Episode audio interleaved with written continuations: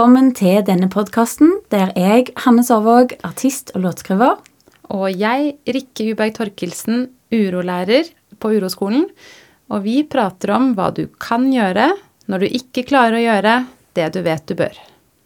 Vi tar utgangspunkt i samtaler som vi har hatt. Jeg kom til deg i en krise i livet på mange plan, der jeg bare ville bli kvitt alt som var vondt og vanskelig. Og i stedet så lærte du meg å stå i det og leve med det akkurat sånn som det var. Og det er det som er urometoden. Kan du si litt mer om det, Rikke?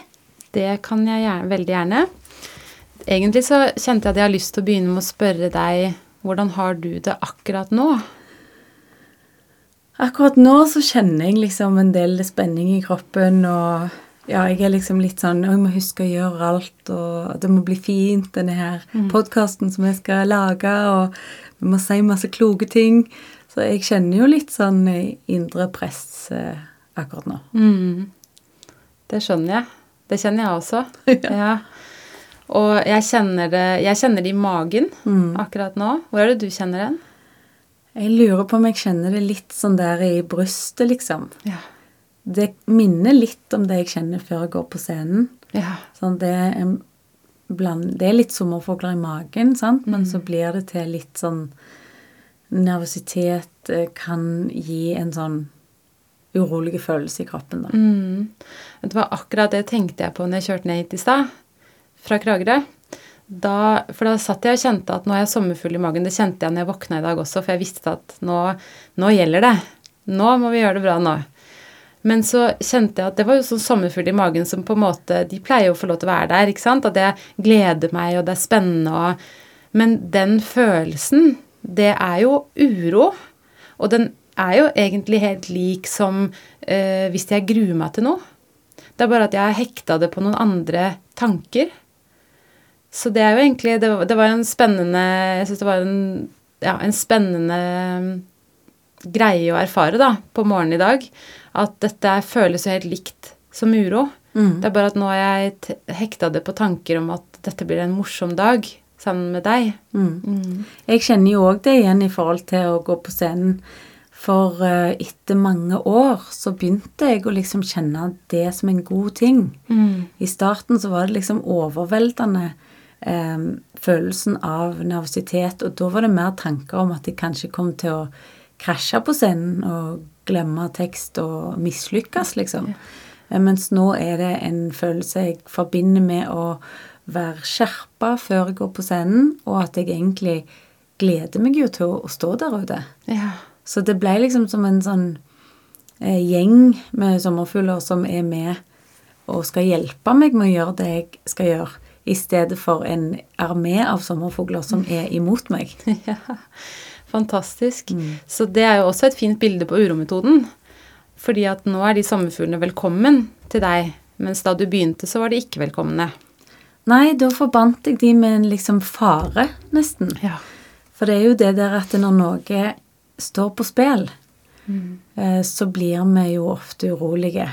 Eller mm. jeg kjenner på uro da når jeg opplever at noe står på spill. Da, da får jeg sånn um, faresignaler i kroppen, ja. liksom. At nå må jeg være på vakt. Og, um, og, og, det å gå ut på en scene og kanskje gjøre noe feil, det er jo forbundet med fare for meg fordi at jeg har lyst til å bli likt, og jeg har lyst til å få, få være med, og mm. alle de der vanlige behovene der, da. Ja. Så da tenker jeg liksom at hvis jeg ikke gjør det bra nå, så blir jeg gjerne ikke likt. Eller så får jeg gjerne ikke være med. Mm. Så Men jeg har liksom blitt med året mer og mer eh, vant med det, og, og, gjort meg mer og mer til venns med den følelsen, mm. da. Så fint. Og når du sa nå at 'jeg vil så gjerne være med og bli likt', og så er jo det kanskje det vi på uroskolen kaller for den indre kritikeren, som sier den stemmen i hodet, da, som sier at nå er det veldig viktig at du gjør sånn og sånn. Fordi at hvis du gjør det, da kommer du til å bli likt. Og en del av urometoden er jo å lære seg egentlig å avsløre den indre kritikeren. Fordi at vi går jo rundt og tror på den. Vi jeg har i hvert fall ikke i mitt liv gått rundt og tenkt at å ja, men dette er bare en stemme i hodet som forteller meg så, eller som kritiserer meg. Jeg har jo gått rundt og trodd at jeg fortjener den kritikken jeg har fått, da.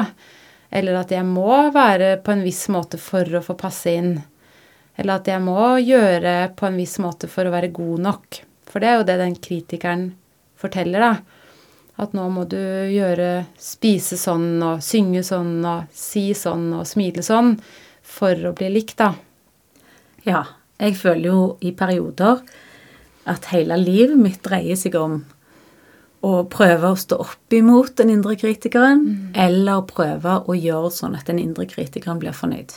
Ja, ikke sant.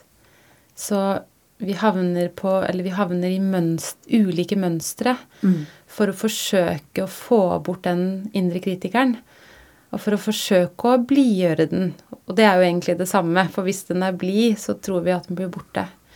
Sånn at det du og jeg snakker om, da, og det vi ønsker å dele med deg som hører på, det er jo det å finne ut av Går det an å leve med den stemmen som jeg i hvert fall hittil i livet ikke har klart å leve med? Eller ikke har klart å få bort, mener jeg. Mm. Og går det an å vende seg mot den virkeligheten vi har? For jeg tror at den virkeligheten vi har, er sånn at vi har en sånn kritikerstemme. Og vi har en følelse av at det er noe feil her hver gang noe gjør vondt. Men urometoden handler jo om å vende seg mot den virkeligheten vi har, og se hvordan er det å være meg når livet er sånn som det er. Noen ganger er det vondt, Ofte er jo livet vondt, og noen ganger er livet godt. Ofte er det jo godt også. Mm. Jeg husker jo bare når jeg eh, begynte å jobbe sammen med deg, så, så var jo det et forsøk på å få vekk det vonde. Ja. Altså, jeg skulle snakke med deg for å liksom ordne opp i alt det som var vondt, og så skulle jeg leve et godt liv. Eh, helt fjerna fra alt det vonde og det vanskelige. Så er det jo litt sånn Det er litt gøy, egentlig, at det vi jobber med, er jo at jeg heller skal snu meg mot det vonde og se på det, og liksom ja, være litt nysgjerrig på hva er alt dette, og nesten som du liksom har unngått et hjørne i huset som det er masse rot i, ja. som du bare går forbi og later som du ikke ser men som egentlig gir deg masse uro, for det ligger jo der og er helt kaos. Hva som ligger i denne haugen, egentlig? Og så en dag så bare ser du på den så bare Hm, skal se hva som, hva som fins her, liksom. Mm. Og så kan du liksom begynne å få litt oversikt, og gjerne finne en liten skatt og to inni der, og, og få litt eh, orden, da. Så blir du gjerne ikke liksom blir gjerne ikke kvitt alt, men du har iallfall litt bedre oversikt over det. Mm. Utrolig bra bilde. ja, det likte jeg. Og ja det, er, ja det, er, kjempefint. Og det er akkurat det, da, å, å, si at kanskje det er noe i denne haugen som jeg kan dra nytte av. Og på, vi drar du enda lenger og sier at det er helt sikkert at det er noe du kan dra nytte av når livet gjør vondt. Og jeg pleier å si at den virkeligheten du har, er helt nødvendig for deg. Fordi at den virkeligheten du har, den gir deg muligheten til å se nærmere på alt det rotet. Ikke sant? Mm. Sånn at istedenfor at vi skulle bruke tid på å diskutere Ja, det er noe feil her, og alle andre bør ta seg sammen, og det bør du også, så forsøker vi å si ok, så hvordan er det å være deg når virkeligheten er sånn som den er? Hvordan er det å være i denne virkeligheten? Fordi at den, når vi da er sammen med det vi kjenner, og den uroen vi da kjenner, det øv, har jo vi øvd mye på sammen, ikke sant? Og det er jo ikke sånn som jeg tror veldig mange går rundt og er bevisst på at de har. Jeg var ikke det, i hvert fall før. Bevisst på at jeg hadde en uro i brystet eller i magen. Um, men når vi lærer å være sammen med den, så kan vi komme i kontakt med våre ressurser, da. Som er eh, glede, ro, ærlighet, eller sårbarhet. Mm. Det å kunne si til noen åh, oh, shit, nå føler jeg meg under press her. Sånn som vi kjenner jo det nå. Mm. Og det er litt magisk i forhold til andre òg, for det er de gangene jeg har våget meg ut på å si sånn at Oi, nå, nå kjenner jeg presset her. Så begynner de ofte å le. Ja. For det, det er akkurat som noe som forløses i de òg. At noen tør å si at Eller bare si 'Å, dette var skikkelig vanskelig', liksom. Mm. Eh, om det er liksom noe så enkelt bare med å være med og spille et eh, kortspill som plutselig var litt komplisert. Altså tåre å si 'Jeg syns dette kortspillet var skikkelig vanskelig'. og så er det kanskje noen som svarer 'Ja, vet du hva, det syns jeg òg første gang jeg spilte det'. Ja. Og så plutselig så er det forløst. Så kult. Istedenfor at en bare hele tida sjøl i et kortspill som bare skal være for gøy, um, føler press og skal prestere og være god og forstå alt med en gang. Og så bare noen ganger sier 'oi, dette var vanskelig'. Mm. Ja. Fy søren. Tenk at det skal være så vanskelig Ja. å si at noe er vanskelig. ja, Ja. det er sant. Men så, som du sier, så forløsende. Kan du huske Det høres ut som det var et, et, et, et eksempel som faktisk har skjedd, da. Ja. Kan du huske hvordan det var rett før du sa noe, og hvordan det var etterpå? Ja, jeg følte rett før at jeg konsentrerte meg så veldig om å lære dette spillet og huske på alt jeg skulle um, få til, liksom. Eh, at jeg følte det som at jeg nesten begynte å ryke fra hodet mitt. For at jeg konsentrerte meg og tenkte så hardt, liksom. Og så var det akkurat som jeg ble bare tvungen til å kapitulere. sant? Noen ganger så skjer jo dette når du, du har ikke flere muligheter. Og derfor så kapitulerer du inn i å si det akkurat som det er. At eh, åh, jeg syns dette her var steinvanskelig. Og det er jo, du kan gjøre det i små og store ting, sant? men kanskje der klarte jeg å komme til den, for det egentlig ikke var så farlig, siden det bare var et kortspill. Ja. Men eh, etterpå, da, når jeg har sagt det, og får liksom tilbake òg at ja, det syns jeg òg Første gang jeg spilte det, var, var jammen ikke noe god på det jeg første gang. Og så da ble jeg jo bare helt sånn varm i hjertet, fordi da følte jeg meg ikke så alene. Og så kom jeg på at å ja, det er jo sant. De her har jo spilt dette mange ganger. Jeg spiller jo dette for første gang. ja. Sånn at når du da åpna opp om en sånn ting, så tok, du, så tok det dere nærmere hverandre, kanskje, da? Ja. Ved at du var sårbar? Absolutt. Fremfor at du skulle bli sur, for det er jo mange som blir. Ja. Eller irritert. Eller bare gå. Og det er jo, da er man jo gjerne sur eller irritert. Og det tar jo oss ikke nærmere hverandre. Nei. Og de gangene jeg liksom har klart å si til folk at eh, jeg vet ikke helt hva jeg skal si jeg nå, eller jeg er litt usikker på hvordan jeg skal håndtere dette, så føler jeg òg at jeg kommer nærmere de. Ja. Ikke sant? Så at når vi sitter her nå, da, sammen, og er ærlige på at vi kjenner et press, så blir jo, kommer vi også litt nærmere hverandre. Mm. Fordi at jeg tenker jo at du er jo artist og låtskriver, og du er jo ikke redd. Du kjenner jo ikke press. Og så sier kritikeren min at jeg er jo urolærer, så jeg burde jo heller ikke kjenne press. For jeg burde jo være god på å være under press. Ja.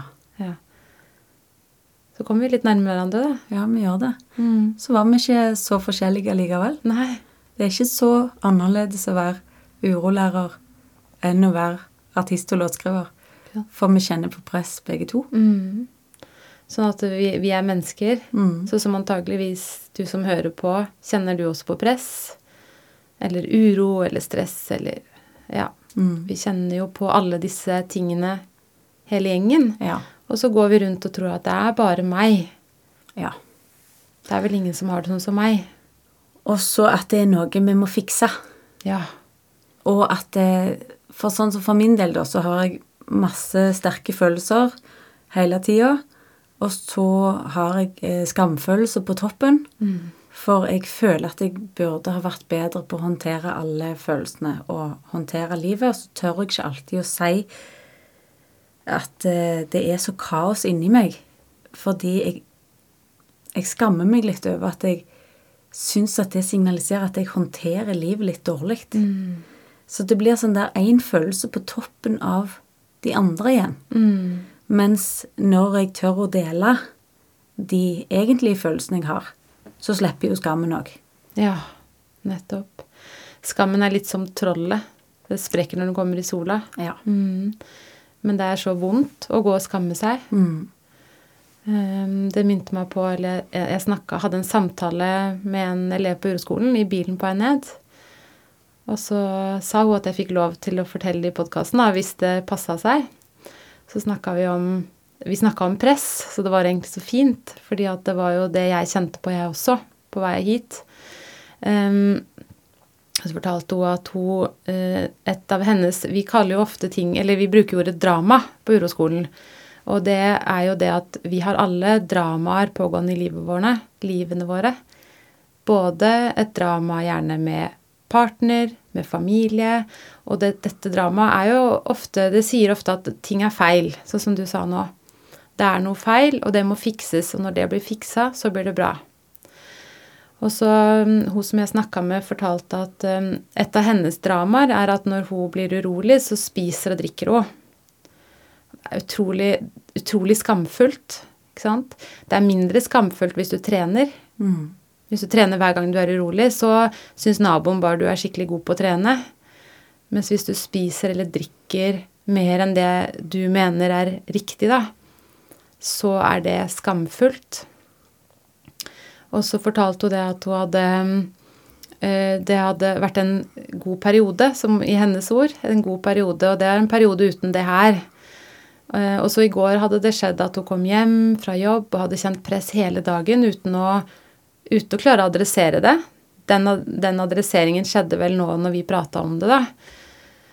Uh, og da hadde det skjedd, ikke sant, igjen med mm, en flaske vin og noe drittmat. Og så blir hun full av skam.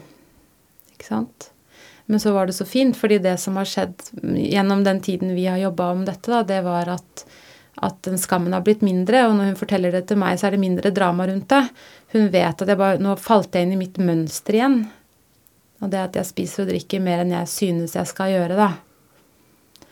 Sånn at det, når vi vender oppmerksomheten bort fra at det er noe feil Det var en lang fortelling til å si akkurat det. Ja, men, men, det er så fint bilde på at eh, det er en helt annen måte å se på ting på enn vi har blitt lært opp til. Mm. For det Vi lærer oss først til å, å, drive med feilsøking for å se hva er problemet her. Mm.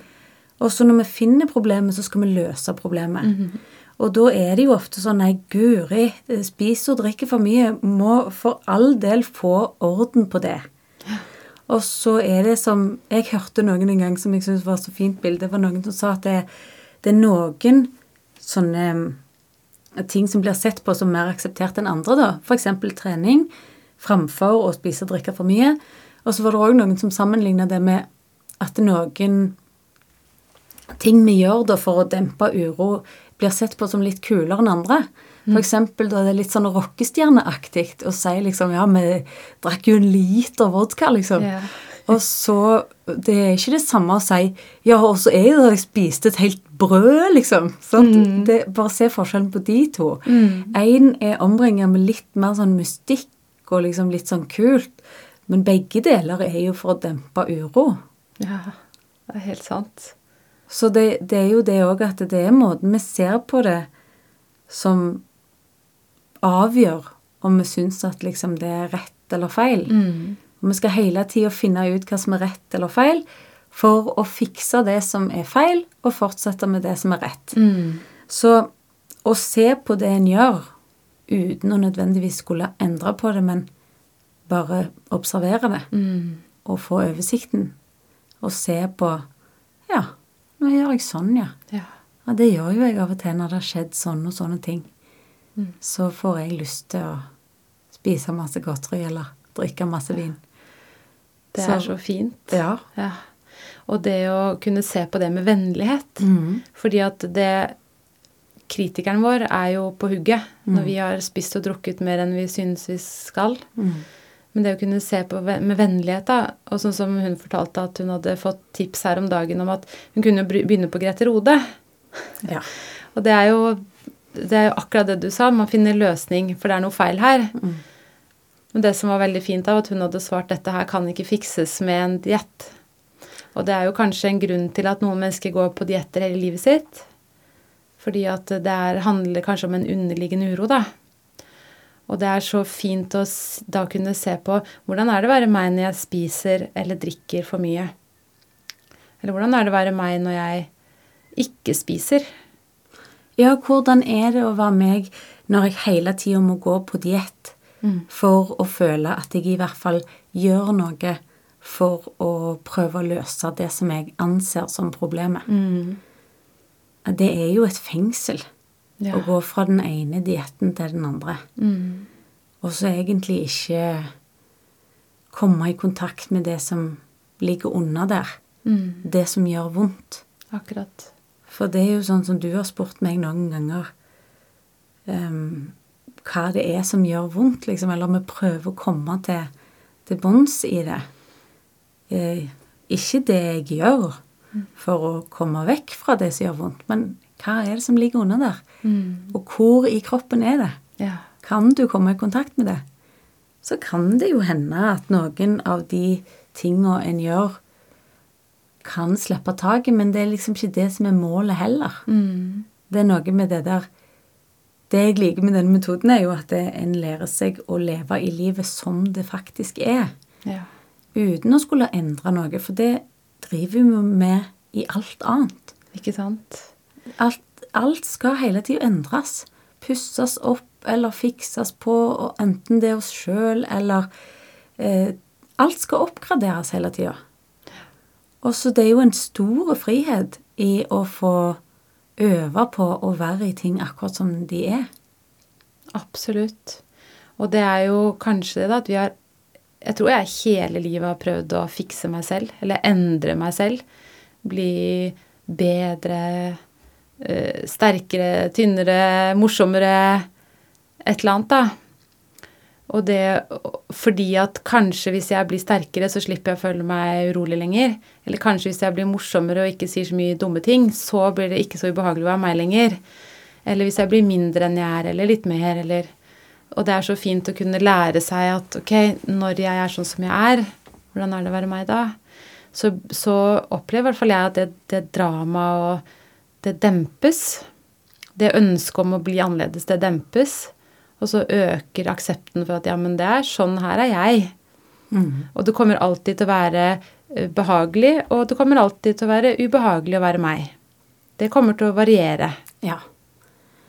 Ja, for jeg har jo så lenge tenkt på det når noe er feil, eller egentlig så er det jo at jeg opplever det som at jeg er feil. Mm. Og da kommer jo det der at jeg har lyst til å fikse på meg sjøl. Mm. Og da fins det jo utrolig stort antall metoder der ute som du kan bruke til å fikse deg sjøl. Mm. Eller det du har rundt deg, liksom. Men det er jo noe med at eh, Sånn som jeg følte at hele livet mitt bare var farga av at jeg sprang rundt og prøvde å fikse det som var feil. Eller rømme fra det. Ja. Fordi jeg tok det som et signal på at dette er ikke riktig for meg. Fordi det opplevdes vondt, eller det kom opp masse vonde følelser. Og så bare stakk jeg fra det. Mm. Sant? Ja. Så en litt sånn den der Runaway Bride-filmen. altså, hun bare stikker hver gang det, det liksom nærmer seg noe som gir henne ubehagelige følelser. Mm. Og hun hadde jo liksom rømt fra den hun egentlig var, med å ta på seg forskjellige typer liv og metoder. Ja. Men finner liksom ikke helt fram til hvem hun egentlig er, og ender da selvfølgelig med å springe fra hver gang hun står overfor forplikter seg til noe, eller Ja. Så da kan en jo egentlig springe fra ting som kunne blitt ganske fint òg, da. Absolutt. Det minner meg om eh, Det er jo disse responsene vi har, da. Fight, flight eller freeze. Mm. Og det er jo gjerne sånn at vi bare faller inn i en av de. Og enten sånn som hun, som da Det er jo helt tydelig at hun Det er jo flight, hun bare stikker unna. Eller som du sa, du har vært innom å virkelig i, prøve å håndtere Eller prøve å fikse deg selv, og det er jo kanskje fight. Mm. At ja, men nå går jeg dit, og nå trener jeg sånn, og tar litt Botox der, eller hva er det man gjør for å fikse alt det som er ubehagelig, liksom? Selvutvikling og Vi har jo gjort mye av det. Mm. Eh, eller så har du freeze, da, og det, det kan jeg kjenne meg igjen i. Legge meg på sofaen under teppet med Mac-en foran meg med en TV-serie på. Det er freeze. Ja. Alle, Alle. de. Alle Ja. de metodene Ja. der bruker vi jo. Ikke sant? Og det er jo for å unngå å kjenne på noe. Og det er jo overveldende å begynne å kjenne etter på det som egentlig gjør vondt.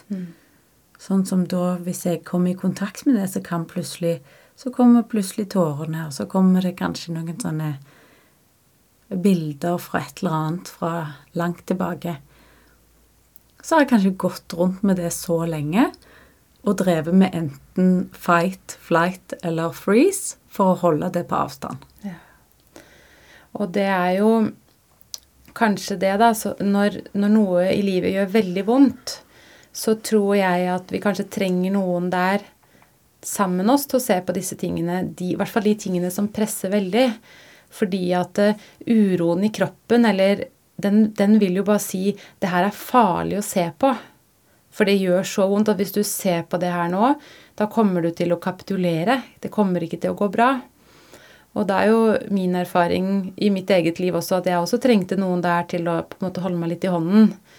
Mens, eh, mens med mindre ting, kan vi kalle det, da, så går det jo an å øve seg ikke sant? på Skal jeg ta den kjolen eller den kjolen i dag?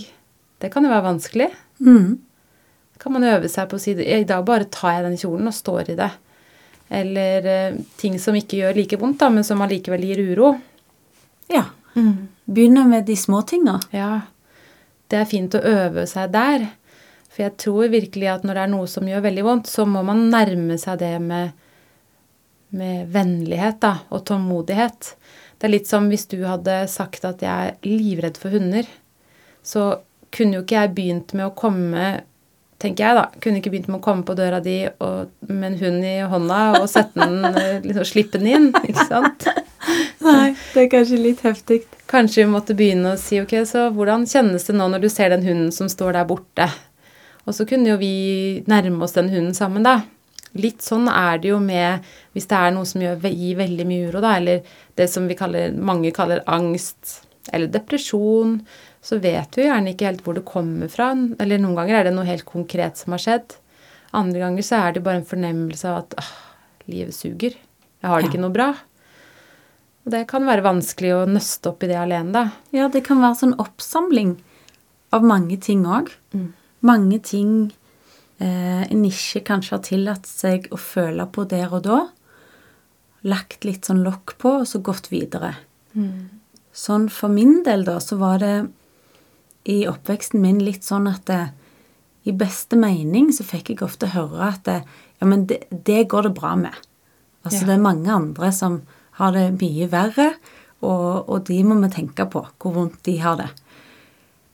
Og det er jo i beste mening fordi det er òg en metode vi bruker å gi perspektiv. Sant? Sånn at du skal tenke på å ja, uff, det, det var jo mange andre her som hadde det mye verre enn meg. Da, da må jeg være takknemlig for det jeg har. Men jeg vet ikke om den kan funke for noen, kanskje. Men for min del så var jeg allerede orientert rundt at jeg hadde empati med andre. Sånn at når noe gjorde vondt hos meg, så ble det bare på toppen av det å begynne å tenke på hvor vondt de andre hadde det. Ja. Og så tenke på Oi, og dette gjør så vondt hos meg, og tenk hvor vondt de andre har det, da, som tydeligvis har det verre enn meg.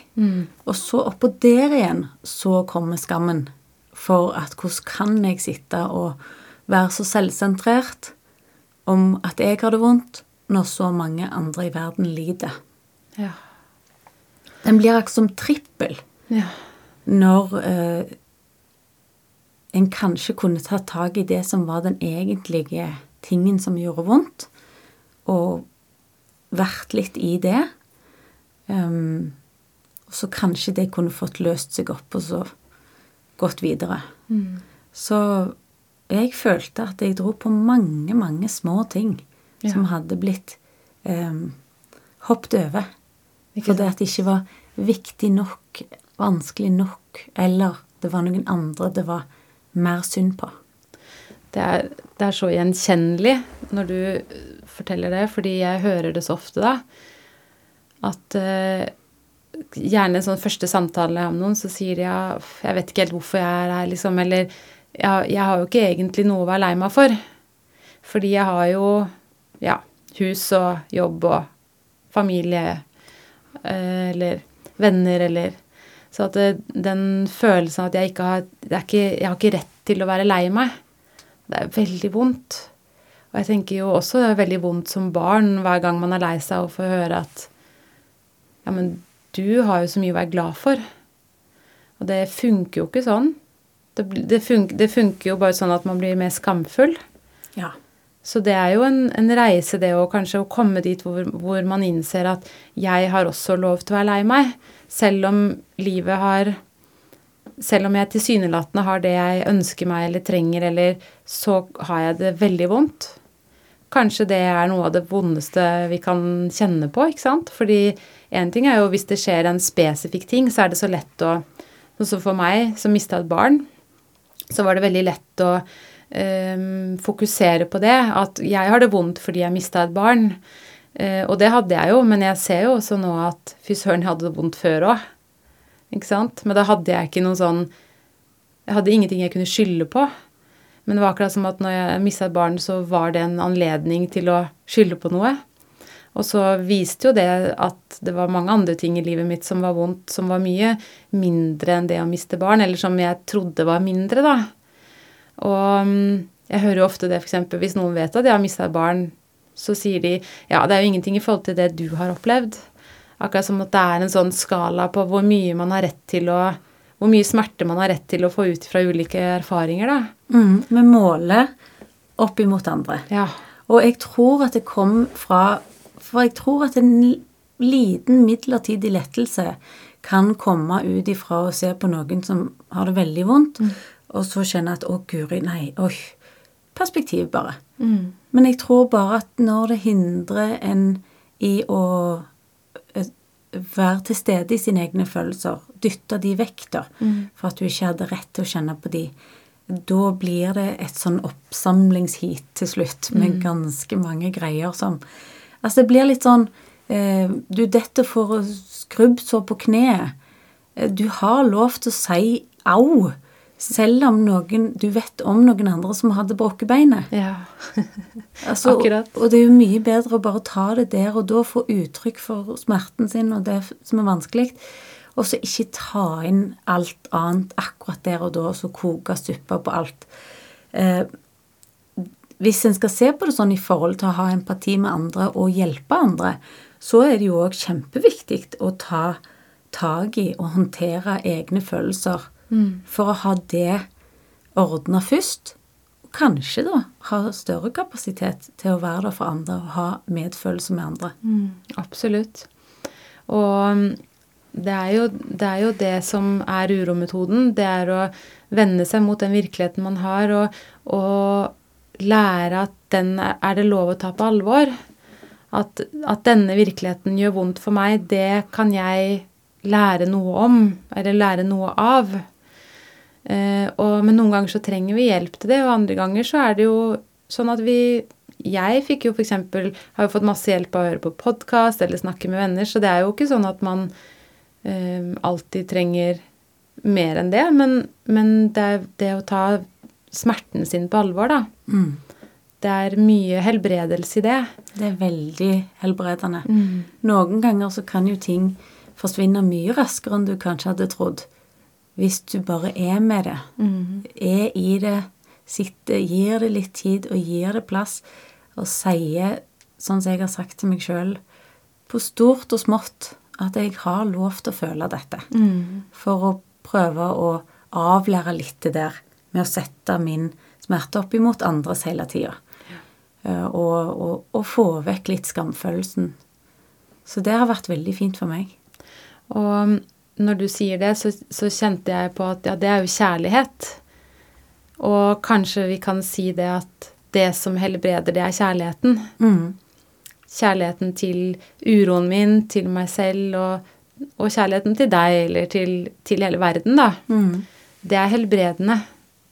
Ja, for det er med en gang du ser vennlig på det eh, og, og gir deg sjøl litt grann sånn